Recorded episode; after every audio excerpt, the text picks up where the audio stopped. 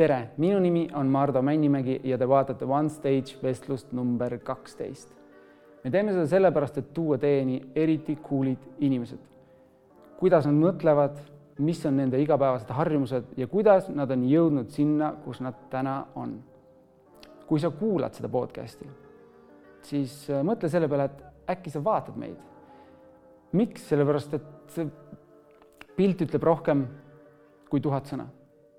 Kui sul see episood meeldis, siis jaga seda, jaga seda kellegiga, kelle, keda see võiks ka inspireerida ja kellel see võiks abiks olla. minu tänane külaline on väga-väga julge naine. ta on saatejuht, ta on ajakirjanik, ta on spordientusiast. tere, Eva Esse. tere, Mardu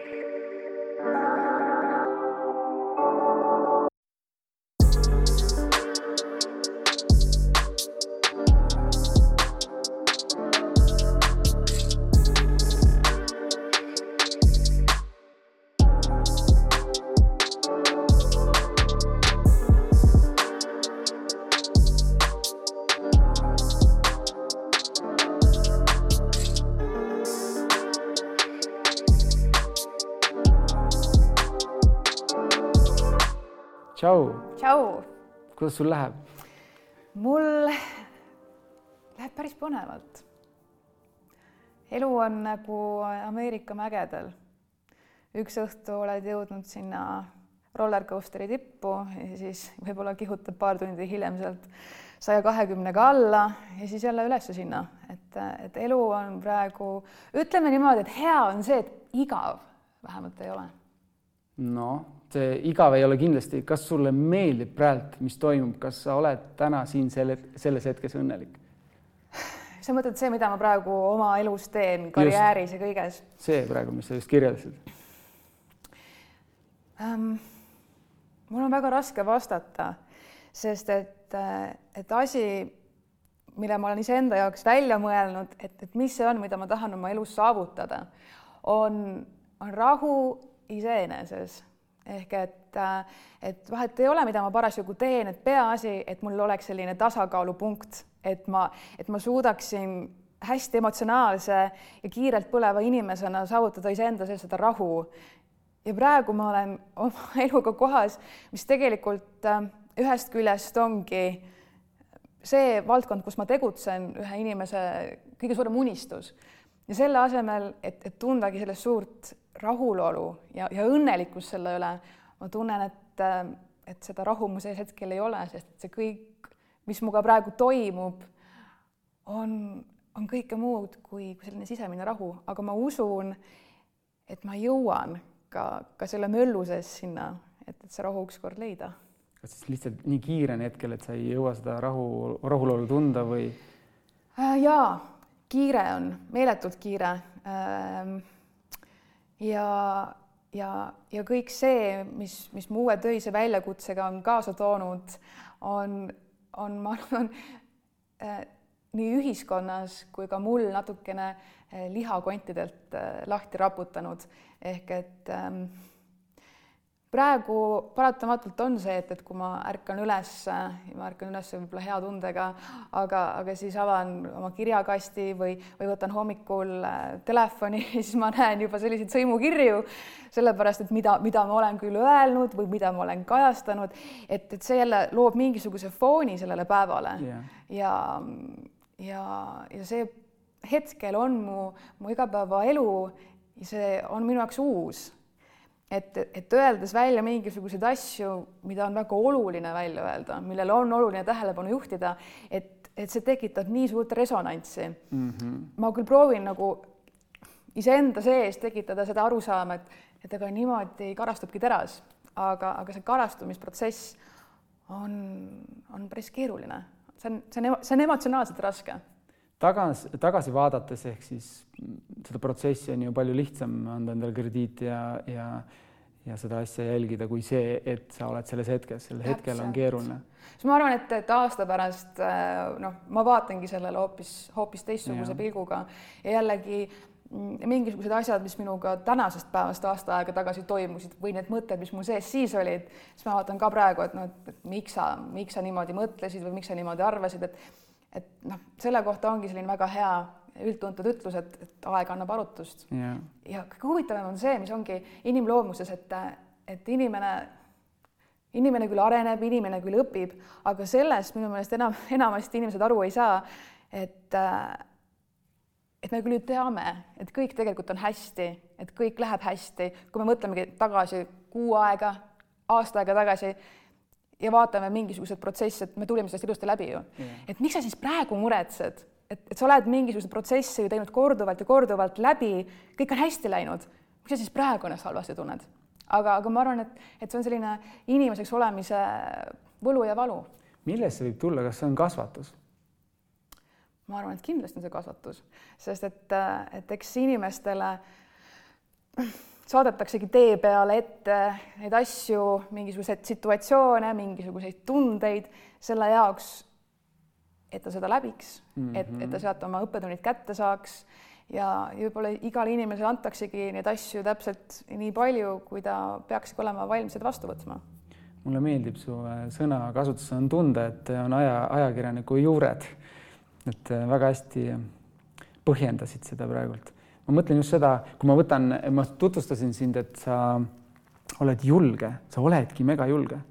kui sa siia stuudiosse ka täna astusid, sa astud sisse, sa ei, sa ei sa ei jää märkamata, sa kohe julgelt vaatad kohe otse allika juurde, tere, mina, kuidas, mis see, kust see julgus pärineb?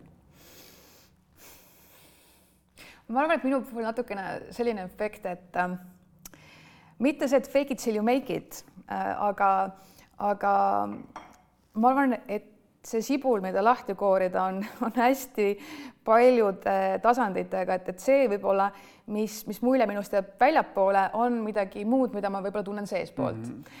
ehk et äh, mitte, et ma kuidagi äh, mängiks iseenda karakterit üle, vaid vaid minu olemus kui selline jätabki tihtilugu mulje, et ma olengi hästi julge ja, ja, ja ma olen hästi enesekindel ja, ja, ja ma lähengi kasvõi tankina läbi tellisseina, aga, aga see, mis väga tihti mu seespool toimub, lihtsalt jääbki sissepoolselt, seda pole näha. ehk et ähm, ma arvan, et selle pealispinna all on üks üsnagi, üsnagi pehme inimene, kes, kes võib-olla tihtilugu jätab mulje, et ta on mhm. maru julge, enesekindel, mis ma arvan, et väga suur boonus muidugi. Ma, kui ma natuke viisin ennast kurssi, kes sa oled ja mis sa teed, ilmselgelt ma teadsin, kes sa oled, aga sügavamale, siis äh, noorusaegadel kirjeldasid sa iseennast kui, et väga palju öeldi sulle ei ja sa ei olnud suutlik ja su sport, just kui me räägime spordientusiast, siis seal olid justkui õpetajad ütlesid, et seal oli puudusi mis tahad, räägi paari sõnaga, selles mõttes võib-olla isegi võid äh, natuke oma lapsepõlve tutvustada. Oota, millest meil puudused olid? no just see, et äh, sa ise kirjeldasid, et sa näiteks mingi jooksmine ei olnud sinu teema, et sa väga kiiresti võitis võhmale äh,. ja no see oli kõik puhtalt. ma ei tea, kas see kõik vastab tõele, sest ma lugesin seda internetist täpselt, oleme allikakriitilised, internet mm.. ei, tegelikult see, selles osas see vastab tõele, et, ähm, et ma olin hästi nõrga tervisega laps Äh, ja, ja igasugune füüsiline aktiivsus oli mul vastunäidustatud. Äh, aga sellest hoolimata, ma arvan, siin ongi võib-olla see moment, et, et mida rohkem sa ütled mulle ei, seda rohkem ma ütlen, et kurat, ma näitan ja ma ikka, mina ikka tahan ja ma suudan ja ma pean. ja niimoodi oli ka siis juba lapsepõlves läbi selle, et, et ma ei tohtinud tegelikult absoluutselt, ma ei tea, joosta, hüpata, sest mul lihtsalt ei olnud kopsumahtu, mul süda ei töötanud niimoodi, nagu ta peaks töötama. aga sellest hoolimata ma olin, noh, kehaline kasvatus oli mu lemmikaine mm. -hmm. ma arvan, et minu nimel on siiamaani ka minu kooli kaugushüpperekord. Äh, ja ma tegin toona siis ikkagi Eesti mõttes tipptasand ta,, tasemel kergejõustikku. Äh, ehk et, et kuigi mul seda füüsilist võimekust vähemalt paberite järgi ei olnud, siis seda rohkem ma tahtsin tõestada, et mitte isegi tõestada, ma arvan, et ma isegi oskan seda enda jaoks niimoodi mõtestada, et ma nüüd pean tegema, ma yeah. nüüd pean näitama, vaid, vaid lihtsalt minus oli see midagi, et, et ma tahan joosta, ma tahan hüpata, mulle väga meeldis see. ja, ja niimoodi ma kuidagi tulingi sellest kõigest välja, muidugi mis minu tänases spordi tegemises erineb äh, mu lapsepõlvega, on see, et, et ma olen läinud pikamaa alade peale mm. -hmm. noh, et mida pikemaks, noh, ma olen ajaga seda distantsi pikemaks ajanud, aga, aga siin on ka väga lihtne selgitus, et mida vanemaks inimene saab, ega ta enam kiiremaks ei muutu yeah., ta saab ainult oma võhma parandada. et, et noorena olid minu ikkagi trumpalad, sprint ja, ja kaugushüpe, siis, siis nüüd ma olen seda distantsi peale läinud ja kui ma varasemalt täpselt siis läbi oma tervislike põhjuste ei saanudki pikama jooksu teha, sest et lihtsalt mul ei olnud kuskilt seda õhku peale võtta yeah,. Yeah. siis eh, tänaseks päevaks äh, on mu tervis niivõrd palju paranenud, et, et ma just äh, distantse saangi pikemini ette võtta. aga kas see oli seotud tervisega või see oli tolle, tollel hetkel mingi ettekirjutus, et sa ei tohiks nende, nendes tingimustes üldse nii palju pingutada või oli see, oli see, noh, meditsiin on arenenud viimase kolmekümne aasta nii palju, kahekümne aasta? jaa äh,, see, et meditsiin vahepeal arenes, mulle tehtigi mu, ütleme siis elupäästev operatsioon, kui ma olin neliteist wow. ja, ja sealt edasi siis minu nii-öelda tervislik äh, seisund äh, paranes ja, ja siis läkski. ma, ma ei ole ajakirjanik, aga sa praegu äh, kuidagi panid mind olukorda, et sa oled seda kusagil kajastanud ka, mis oli, mis operatsioon see oli või? Äh, ma ei ole minu arust sellest, rääkinud, aga väga lihtsalt kirjeldades ma sündisin sellise defektiga, et mu rindkere oli sisse vajunud, see on selline geneetiline oh, probleem, mis, mis oli ka mu vanaisal. Ja, ja nagu sa ütlesid ka, et äh, meie meditsiinisüsteem on niivõrd palju arenenud ajaga et kui ma olingi väike laps, siis äh, mul oli ainukene teadmine, et see, kuidas saab siis minu kopse ja minu südant äh, päästa, et tekitada neile arenemiseks ruumi, on see, et mul lõigatakse põhimõtteliselt nabast kuni kurguni lahti ja murtakse kogu mu rindkere lahti. Äh, et, et siis oh, wow. panna, panna kõik paika, mis tähendaks seda, et ma oleksin pidanud olema pool aastat kipsis ja nagu staatiliselt voodis. niimoodi neid operatsioone vanasti tehtigi aga, aga siis, kui kaks tuhat neli äh, jõudis ka Eestisse selline uuem lähenemine sellesse äh, tegelikult üsnagi levinud äh, terviseprobleemi. Ja siis mina olin Eestis esimene naisterahvas, kellele see operatsioon tehti, mis siis tähendas, et tehti lihtsalt kaks lõiget siia kõrvale ja, ja pandi siis korrigeeriv raudvarras mu sisse, aga mis ikkagi tähendas seda, et et mu kogu äh, jah, rindskere põhimõtteliselt ikkagi noh, murti lahti. Crazy, ma ei ole sellest teadlik, ma ei teadnud mitte midagi. ma ei olegi sellest väga kuskil rääkinud. ma praegult olen täiesti šokis, mõtlen, et vaat see ongi see, kui ma siin taga kogu aeg mõtlen, kui sa lauseid üles ehitad, et mis see, mis see järgmine küsimus, et mis see kood on, miks sa oled seal, kus sa oled, see ongi see, et kui sul on piirangud, siis sa drive'id, noh, see drive on palju võimsam, kui keegi ütleb sulle, et sa ei saa seda teha, see ei ole sinu jaoks. kuid ma kujutan ette, mida see noh, mida see operatsioon ja kõik sinu jaoks tähendas. kusjuures täpselt seesama operatsioon, kui ma olingi neliteist, ma olin nädal aega intensiivis, mul oli äh, valupaigisti epiduraal läks otse seljaaiu ähm, ja noh, ma olin põhimõtteliselt noh, ma ei saanud ka hingata, sest et kogu see rindskere oli ju täiesti äh, suures šokis mm, -hmm. sest et kõik oli ju paigast ära lükatud see oli, see oli ääretult, see oli füüsiliselt niivõrd raske, niivõrd valus. ja kui mul on olnud mingisugused sellised raskemad momendid, siis ma proovin endale meelde tuletada, et kuule, et sa oled sellise asja läbi teinud, et nagu come on, et see, mida sa praegu teed, see on, see on kanapiss selle kõrval, noh, jumala eest, aga, aga hästi-hästi keeruline on tegelikult tulla äh, vaata, inimene läheb oma emotsiooniga niivõrd äh, kiirelt kaasa, et ta unustab ära selle, et, et kuule, et noh, tegelikult ei ole see asi nii hull, sa oled, sa oled kordades hullemaid asju läbi, läbi teinud. et, äh, et siis vahepeal ongi see, noh, sa praegu küsisid minu käest selle kohta, ma pole selle peale mõelnud juba üle, noh, ma ei tea, ikka väga pikka aega, et, et mul niisugune asi on olnud ja jällegi, kui ma tulen oma mõtetega nüüd sinna, et, mul selline kogemus mu elus on, see tuletab jälle meelde, et okei okay,, praegu on raske, praegu on emotsionaalselt raske. aga, aga, aga see, mida ma tegelikult olen läbi teinud, on olnud kümme korda keerulisem. see on oluline tegelikult igapäevaselt midagi meeles hoida.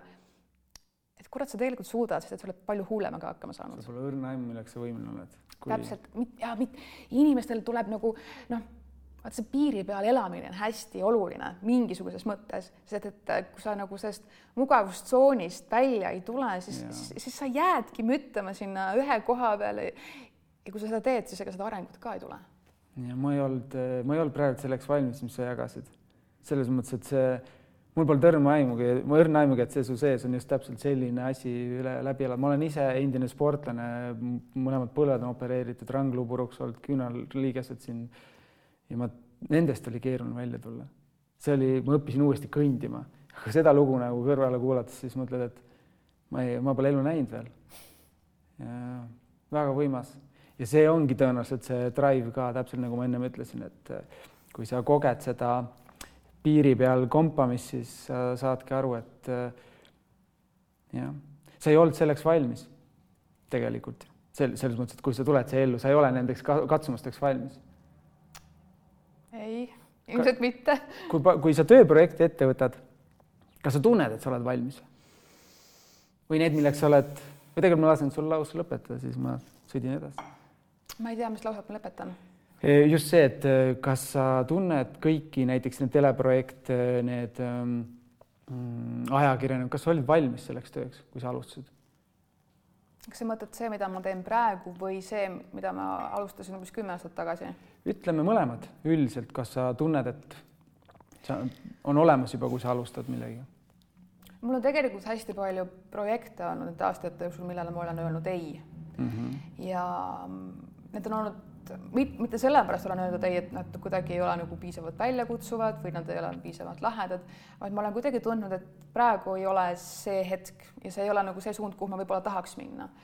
ja mis on toonud kaasa selle, et, et, et ma olen natukene lihtsalt läinud vooluga kaasa ja nii-öelda ajanud oma asja mm -hmm. ja mis ongi mind toonud nagu ühe asja juurest teise juurde, kuni siis siia momenti, kus ma praegu olen.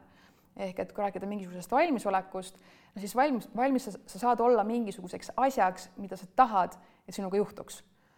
kui ma mõtlen tagasi, ma ei tea, kasvõi keskkooli lõppu või ka ülikooli aega, noh, esiteks keskkooli lõpus ma isegi ei teadnud, mida ma tahan hakata tegema oma eluga. see, et ma läksin ajakirjandust õppima, oli selline noh, natukene juhuste kokkusattumus.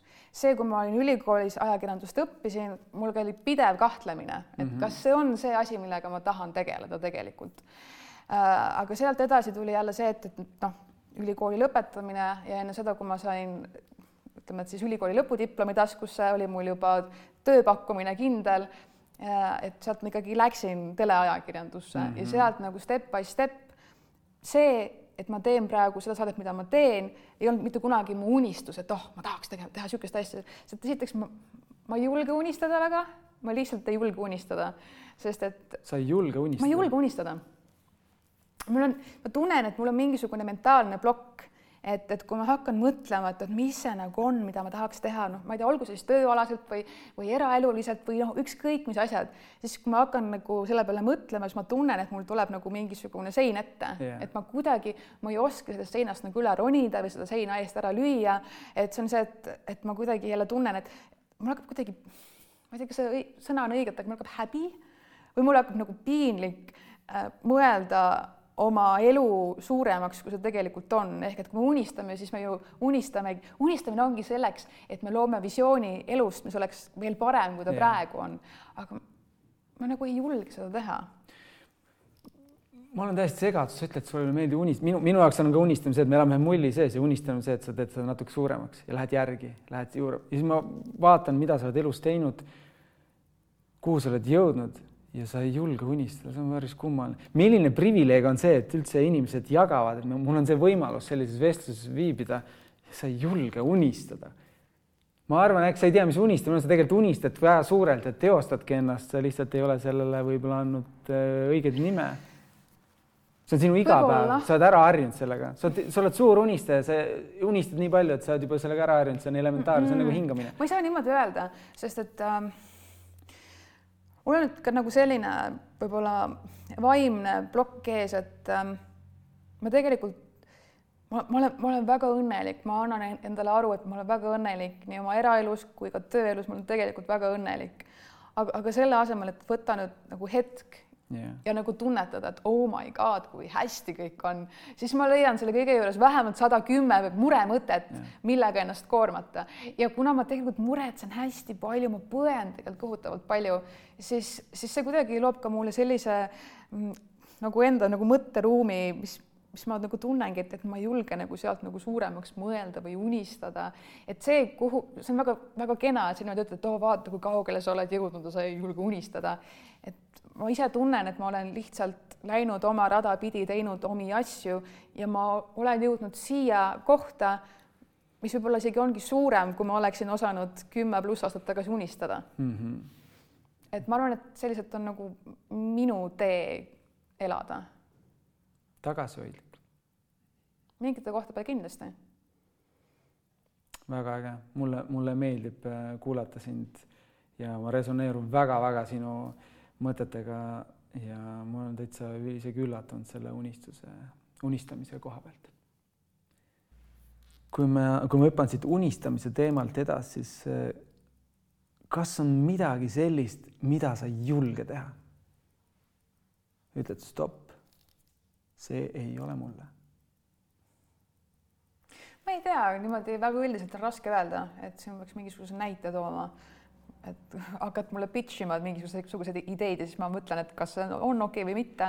et ma lihtsalt niimoodi, ma ei, ma ei oska. ma mõtlen just, et su elus oligi, võib-olla sa pole kunagi selle peale mõelnud, võib-olla pole seda kunagi jaganud ja võib-olla sa ei peaks seda jagama, aga midagi, mis sa ütlesid, see oli nii hirmutav, sa ütlesid stopp, seda ma ei tee. mitte see, et sul ei olnud aega, vaid see ei läinud sinuga kuidagi, ta hirmutas sind mm mu elus vist praegu midagi sellist ei ole väga olnud, kõik hullused, mis mu teele on nagu jõudnud, ma olen sellega kaasa läinud, aga kui keegi peaks ütlema, et kuule, et läheme teeme langeväärihüpet, siis ma päris kindlasti seda ei teeks.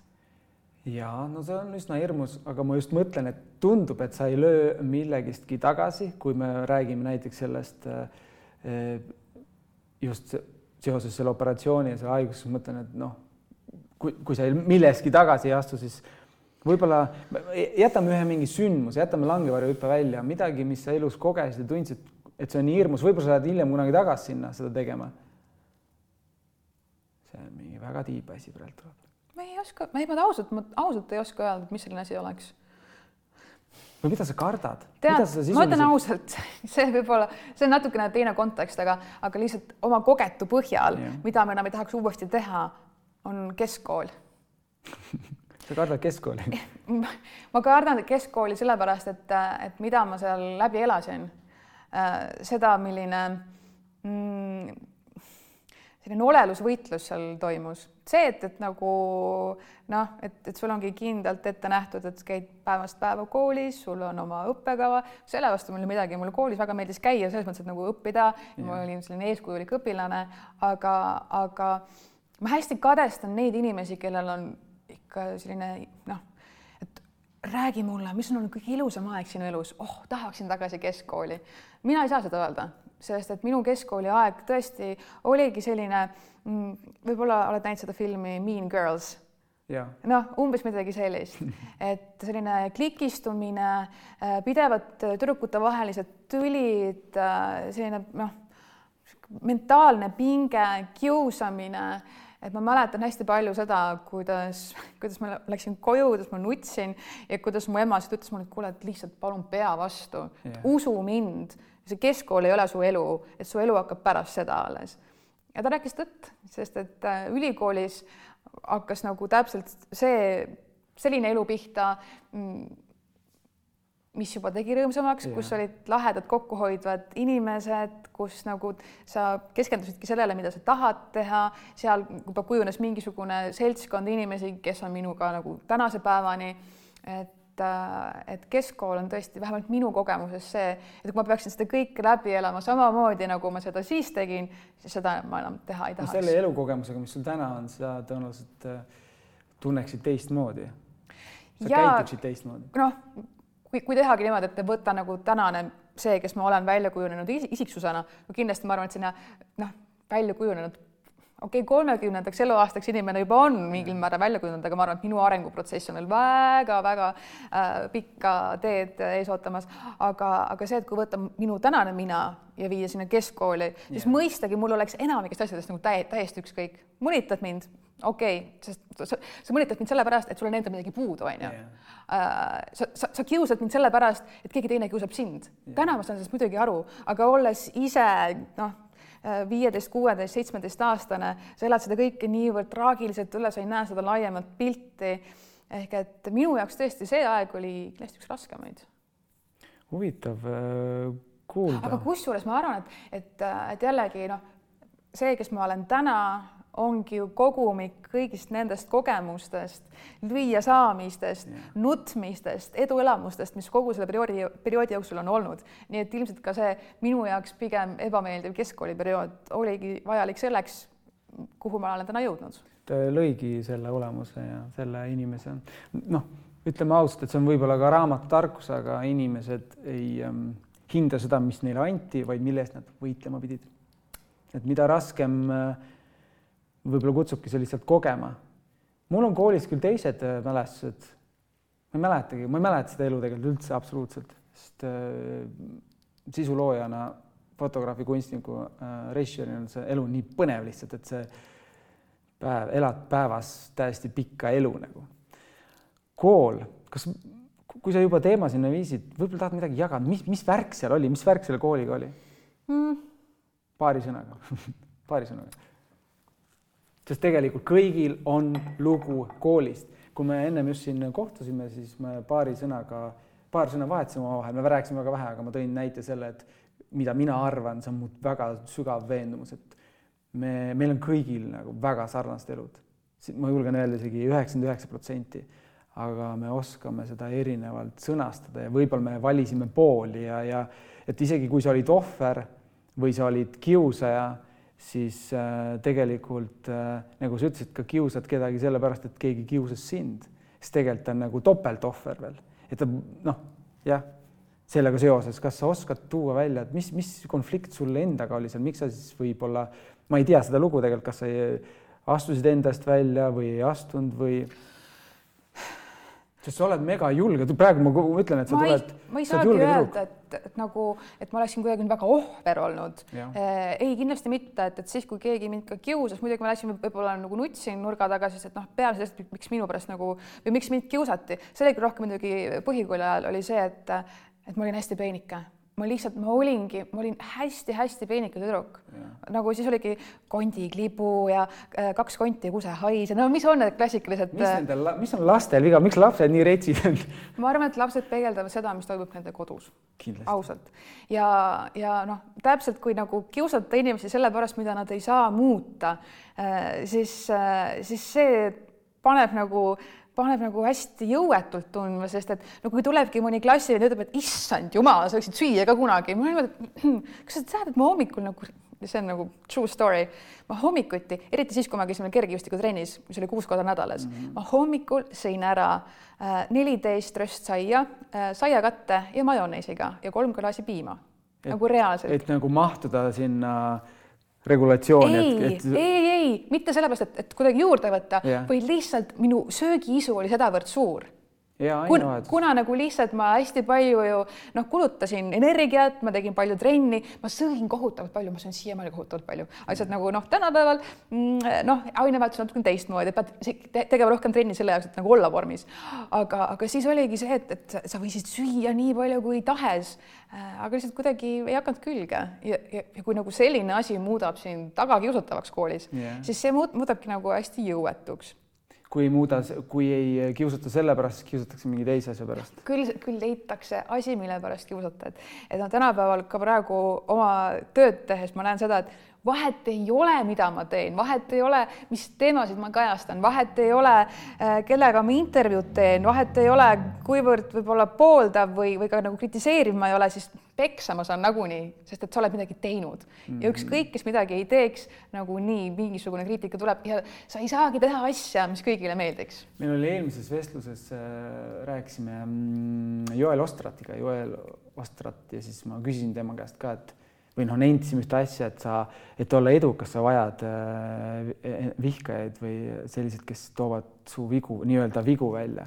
Kui sul on neid palju, sa arened kogu aeg, sa hakkad ise mõtlema selle peale, kui keegi annab sulle tagasi, et kui kõik on, kiidavad takka. vaata, aga siin on nagu ma tean, seal on ka ärritumine väga suurelt sees. et ma olen, ma olen täiesti nõus äh,, inimene ei saa areneda, kui ta kogu aeg mingisugune kiidukoor taga on, kindlasti mitte, aga, aga sa ei saa ka areneda selle põhjalt, kui, kui keegi lihtsalt tuleb, laamendab ja, ja röögib, et tema tagasiside ei ole konstruktiivne. su nahk muutub paksemaks ja sa, sa suudad, sa, sa suudad juba nagu ridade vahelt lugeda, ta karjus peale, saad aru, tal oli täna keeruline päev, see enam ei, ei lähe nii isiklikuks, et ta ütles mulle, et ma ei ole piisav või ma ei, ma ei sobi sinna eetris või noh, need, kes inimesed, mingid inimesed teevad, kui nad tahavad, nad ei lihtsalt ei mm, mulle väga meeldib, ma olen ise õppinud seda oskust alles nüüd hiljuti, et, et ma ei taha võtta seisukohti, et kui, kui keegi ei tee nii nagu mina, siis ta ei tee valesti. reeglina kommentaariumis on ikkagi nii, et kus nad selle aja võtavad, esiteks, et seal üldse midagi kirjutada, teiseks on see, et äh, nad ju ise ei ole samal tasemel, nad ei ole kogenud neid asju, neil ei ole oma saadet, nagu mida sa üldse, kuidas, kus see tagasiside tekib, mille pealt selle kirjutad, vaata. mina arvan nii. aga ma ise kuidagi tunnen seda, et, et kui no kui me mingit proportsioonidest räägime yeah., et, et, et kui sul on mingi sada avalikku vihkajat ja kakskümmend avalikku austajat, siis tähendab, et sa teed väga head asja wow.. seda ma tahtsingi sõnastada, et sul on vaja neid hunnikut ja nad on tegelikult, nad töötavad turunduses on need sada on nagu good deal? ei, ma arvan, et selles suhtes, et, et, et see on ainult äh, vesi veskitele ja, ja lihtsalt äh, ka ma arvan, minu enda arenemisprotsessis väga oluline osa just selles naha kasvatamise protsessis. Yeah ma olen enam kui kindel, sa oled nii kihvt naine minu arust, ma olen enam kindel, et see on alles paar protsenti, milleks sa võimeline oled, mis sa teinud oled, et sa alles, siin käib praegult käib äh, mõttetöö. Mm.. mm ma to tooks ühe asja välja, just ma, ma püüan nüüd viimasel ajal mõelda nii kellega me oleme juba siin äh, saadetes rääkinud ja, ja äh, seoses selle kiusamise, mitte et see oleks mingi põhiteema, aga mida lapsed ütlevad. ja mm, Johan Urd tõi välja, tõi välja sellise asja, et alles nüüd viimase aastaga ta on saanud aru, et kui ta midagi ütleb, et sellel on tegelikult mingi jõud. see tema öeldud, kui hüppad seltskonda, ütle, oo, sa oled alla võtnud, on ju. tema jaoks on see nali ja nüüd oleneb sellest, kellele ta ütles, kas see haavab teda või mitte, ta võib, keegi välja ei näita, et haavab aga mis sees toimub. lapsed on nii puhtad lehed, et ükstapuha, mis sa ütled, sa oled liiga pikk, sa oled liiga lühike, sa oled liiga kõhna, sa oled liiga paks, see teeb neile räigelt haiget. et äh, ma noh, lihtsalt seon selle Johanniga ära, täpselt, mida, mida kauem me elame, mida rohkem me stressi talume või näeme, põrkame kokku väljakutsetega, saavutame siis su nahk muutub nii paksuks, saadki aru, et need äh, halvad kommentaarid on need, mis lükkavad tegelikult hoogu, mitte ei kisu tagasi. mäletan äh, lapsepõlves just äh, momenti, ma arvan, ma olin niisugune noh, maksimum kuueaastane äh,. istusime vanaema maja ees trepi peal koos oma täditütrega. ja ma nagu mõtlesin, ma, ma olin, ma olin hästi kibutüdruk ja mu täditütar oli niisugune noh äh, normaalkaalus ja võib-olla isegi natukene pehmem.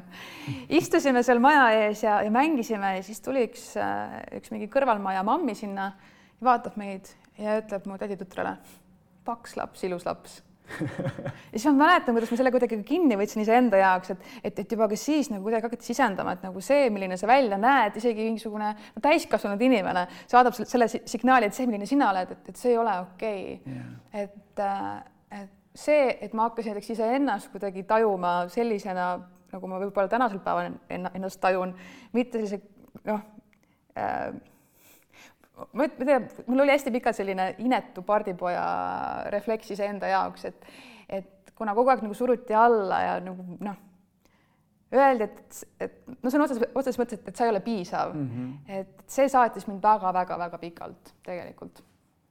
päris crazy et üldiselt selline kuvand ongi maailmas, et need sõnad teevad haiget. vanem, see, ega see tädi, see viskas lihtsalt ju selle lause.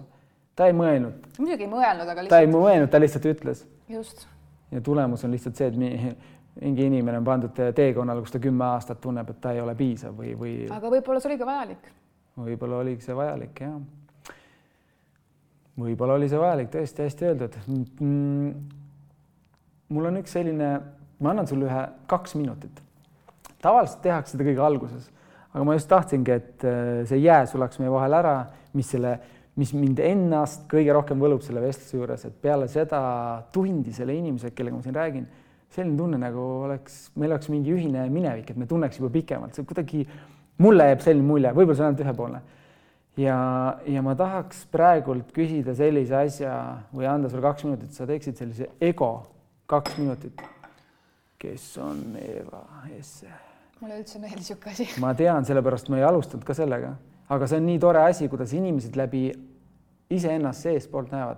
see ei pea olema see, et sa loed rekord ette või, või kus sa käinud oled, pigem on, sul on kaks minutit, see on jumala lahe asi, ma olen ühe projektiga seotud, ma olen ühe eh, kutsehariduskomisjonis eh, olen üks eh, tööandjate poolt üks komisjoni liige ja ma olen pidanud seda sisekaemist tegelema kuu aega nüüd, lihtsalt eneseanalüüs ja meil on vaja alati ennast tutvustada igal intervjuul ja siis ma olen seda kakskümmend korda teinud, siis see kahekümnes oli päris hea juba. esimene oli niisugune nõrk, just ma mõtlesin, et kas ma seda ütlen teist, mis ma olen teinud. seega ma annan siit sulle hoogu, äh, see, see võib olla ka nelikümmend sekundit. kes on Eva S, kui sa iseenda sisse vaatad ja, ja püüa ennast tutvustada mitte nii, nagu sa alustaks oma saadet või et sa räägid, äh, tee midagi teistmoodi, ütle mingeid, võib-olla püüa mm, rääkida nagu, kuidas sa ennast tunned või midagi taolist see, see ei ole lihtne ülesanne ja terve selle ehm, podcast'ide ajaloo jooksul see on esimest korda, kui ma sellist asja küsin. ebamugav. ebamugav, tõesti, see on ebamugav. tere, mina olen Eva ehm, mul on hästi raske ka endal aru saada, kes ma täpsemalt olen ja, ja, ja mis on minu suurem eesmärk siin elus mm. -hmm. ma arvan, et ma olen teel alles sinna aru saamaks, kes ma täpselt äh, inimesena olen aga mida ma tean, on see, et, et, äh, et ma ei püsi raamides. ma olen kohutavalt hektiline, seda, seda nii sellest, mis, mis toimub mul kahe kõrva vahel, et ma hüppan ühest kohast teise kohta, mul on plaan, mul on, mul on idee, kuidas seda teostada, siis tuleb juba järgmine idee sisse, võib-olla see siis katkestab selle eelmise idee ja täpselt sama on ka see, mis mu elus nagu päriselt toimub, ehk et see hektilisus, see hektilisus kuidagi võib-olla viib ka mind edasi, sellepärast et, et, et ma ei oskaks olla võib-olla liiga turvalises tsoonis mm. -hmm. ma arvan, et äkki see on see, kes on EOS. äge, seda ma lootsingi. lisaks kõigele sellele ma küsin, see, see minu meelest see oli kõige, maailma kõige parem enesetutvustus, et äh, sa ei, sa ei tõlgendanud ennast oma saavutuste näol, vaid just see sisemine, miks, miks sa nii mõtled. sa oled teinud hulle tükke maratonid ja möllud. miks miks? vana hea miks, miks sa mida teed mm.? kas keegi on öelnud palju, kas perekonna poolt on öeldud, ära tee? jaa, tegelikult äh, siis, kui see tuli avalikuks, et ma osalen Svensk Klassikeri äh, neliksarjas aastal kaks tuhat kaheksateist ma isegi ei julgenud seda oma emale öelda, aga siis, kui see tuli, kuna Kanal kahe Reporteri saade tegi sellest kogu aasta kestva reportaažide sarja, siis kui mu ema seda nägi yeah., siis ta helistas mulle küll, ütles, et kuule, tütar, kas sa oled peast hulluks läinud või? et sa nagu tuletaski meelde seda, et kuule, et nagu mäletad, mis su nagu tervislik seis on yeah., et, et sa ei saa nagu nullist sajani kiirendada praegu oma, omaenda ettevõtmistega. Ja, ja kuna kui ma ka seda sarja alustasin, siis noh, Vaasa Lopet on märtsi alguses toimuv suusamaraton, üheksakümmend kilomeetrit oh, ja ma alustasin treeningutega oktoobri lõpus äh, rullsuskade peal ja esimest korda lumele sain jaanuari lõpus ehk et kaks kuud enne starti. ja ma ei olnud suuskadega sõitnud alates keskkoolist oh,. Wow. nii et selle pealt minna Vaasa Lopetile, ma ei tea, see mingisugune sisemine drive oli, aga noh mind ja minu neid äh, maratone ja asju on ikkagi saatnud see TV5, et et äh, kõike tuleb võtta mõistusega, et ma ei ole kuhugi läinud niimoodi, et ma olen täiesti piirajas, vaid ma lähengi seda läbima, ma võtan seda rahulikult, ma võtan seda kui mingisugust eneseanalüüsi, enesearengu protsessi, sest et, et ma ei ole nagu see inimene, kes iseenda sees väga tihti mingisugust dialoogi peaks või, või siis kui ma pean seda dialoogi, siis see siis see, siis see Eva, kes minuga sees suhtleb, on tavaliselt selline kritiseeriv, äh, pahandav, äh, etteheitev, et miks sa, miks sa niimoodi ütlesid, miks sa niimoodi tegid. Yeah.. aga, aga need momendid, kus sa oledki noh, kaksteist tundi järjest rajal ja sa oled, sa oled tegelikult täiesti läbi omadega, aga sa tead, et sul on veel, ma ei tea, kas kümme kilomeetrit jäänud või nagu sihuke tõesti, et nagu nüüd pinguta veel, siis, siis, siis nagu see Eva, kes hakkab siis sul nagu peas rääkima.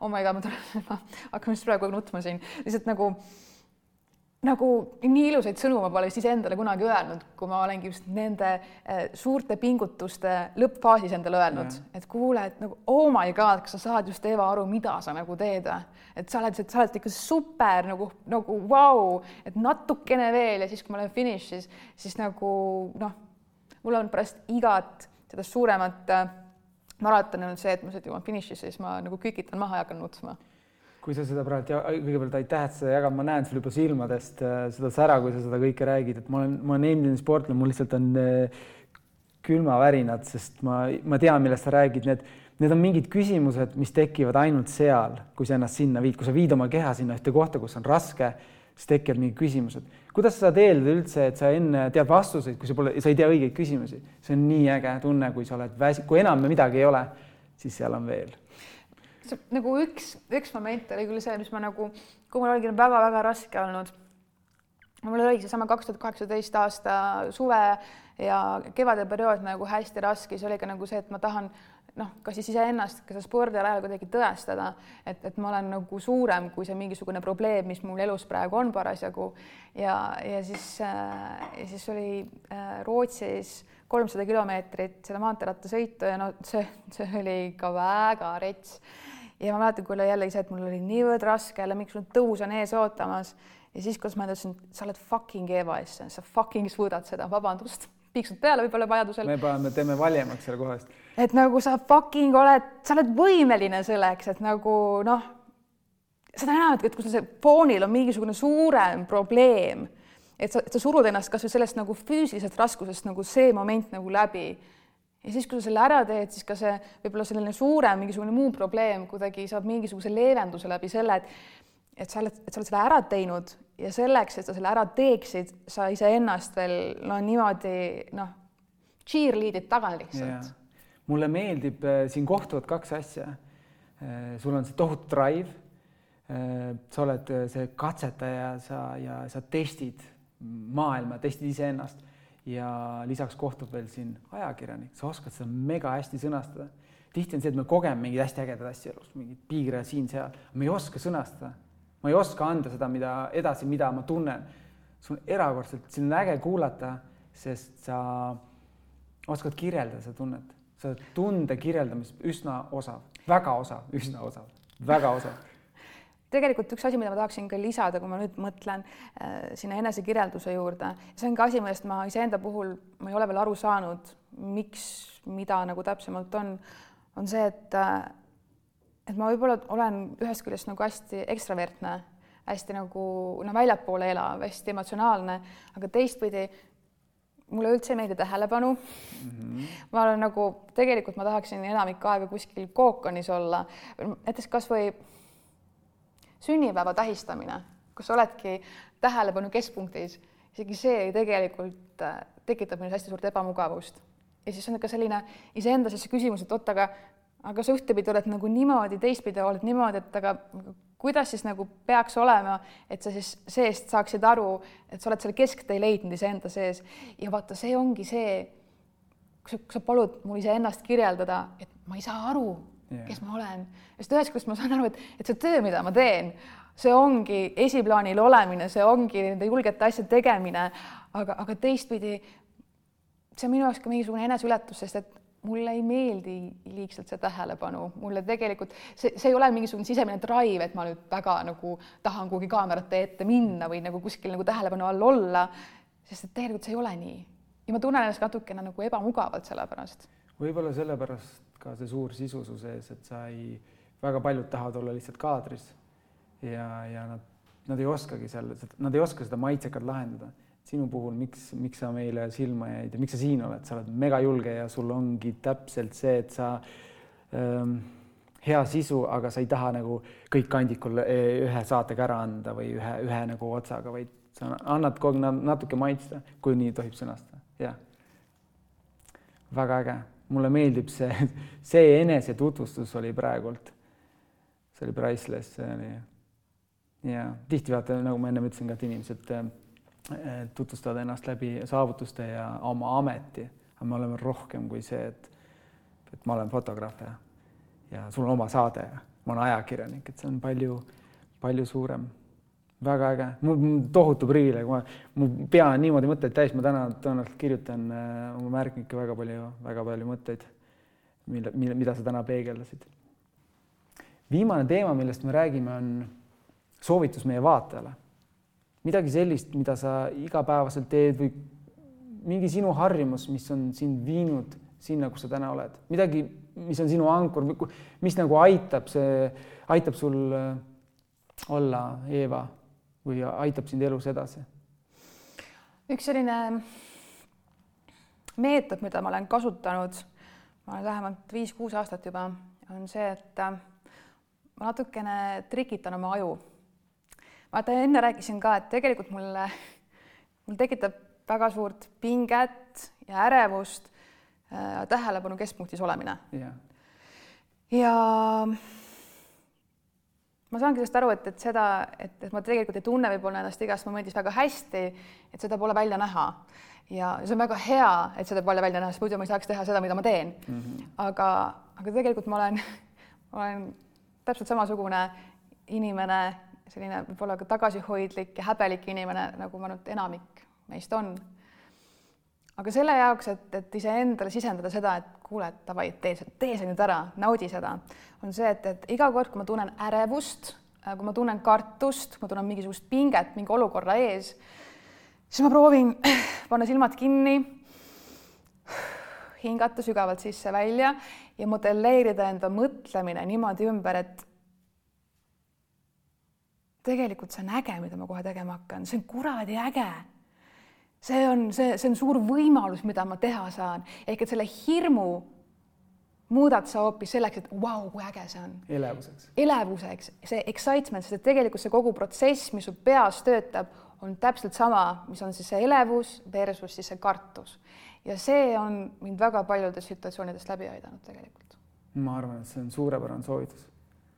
see ongi, et sa manipuleerid oma noh, see tunnetega mängimine, see on, see on kunst muidugi, see tuleb ka harrastamisega, et sa pead seda praktiseerima. väga äge, väga äge soovitus. ma ise kavatsen seda kohe-kohe praktiseerida. tänud, see oli meie kaheteistkümnes äh, vestlus One Stage'il ja ma ei, ma ei osanud isegi oodata, et see, ma saan sinu käest sellist infot. tead, ma ise ka ei oodanud, ausalt ei oodanud, sest et paljud asjad, mida ma täna siin rääkisin, vaata, ma ütlesin ka, et ma ei oska unistada või ma ei julge unistada yeah., siis ma tihtilugu, mis on ka, ma tunnen, et, et mu enda probleem, et, et ma ei, et ma ei mõtle oma mingisuguseid asju päris lõpuni lahti. ehk et äh, tänane vestlus natukene oligi selline teraapia vorm mulle endale, et, et ma mõtlesin enda sees mingisugused asjad läbi niipidi, nagu ma võib-olla ei ole varem ka mõelnud, nii et aitäh sulle väga hästi sõnastatud ja, ja kurat, ma ütlen, et ma, ma olen nii elevil ja ma tunnen tegelikult, ma võiks tunde sinuga veel rääkida, aga me hoiame seda formaadis ja ma, ma olen enam kindel, et, et me räägime veel. sügav kummardus, tõesti minupoolne, ma olen nii tänulik, et sa võtsid selle aja, sest praegusel crazy'l ajal aeg on ja see kohtumine kõik ei ole nii lihtne, kui, kui muidu on. ma olen siiralt väga tänulik sinu aja eest ja, ja respekt, aitäh sulle. aitäh. aitäh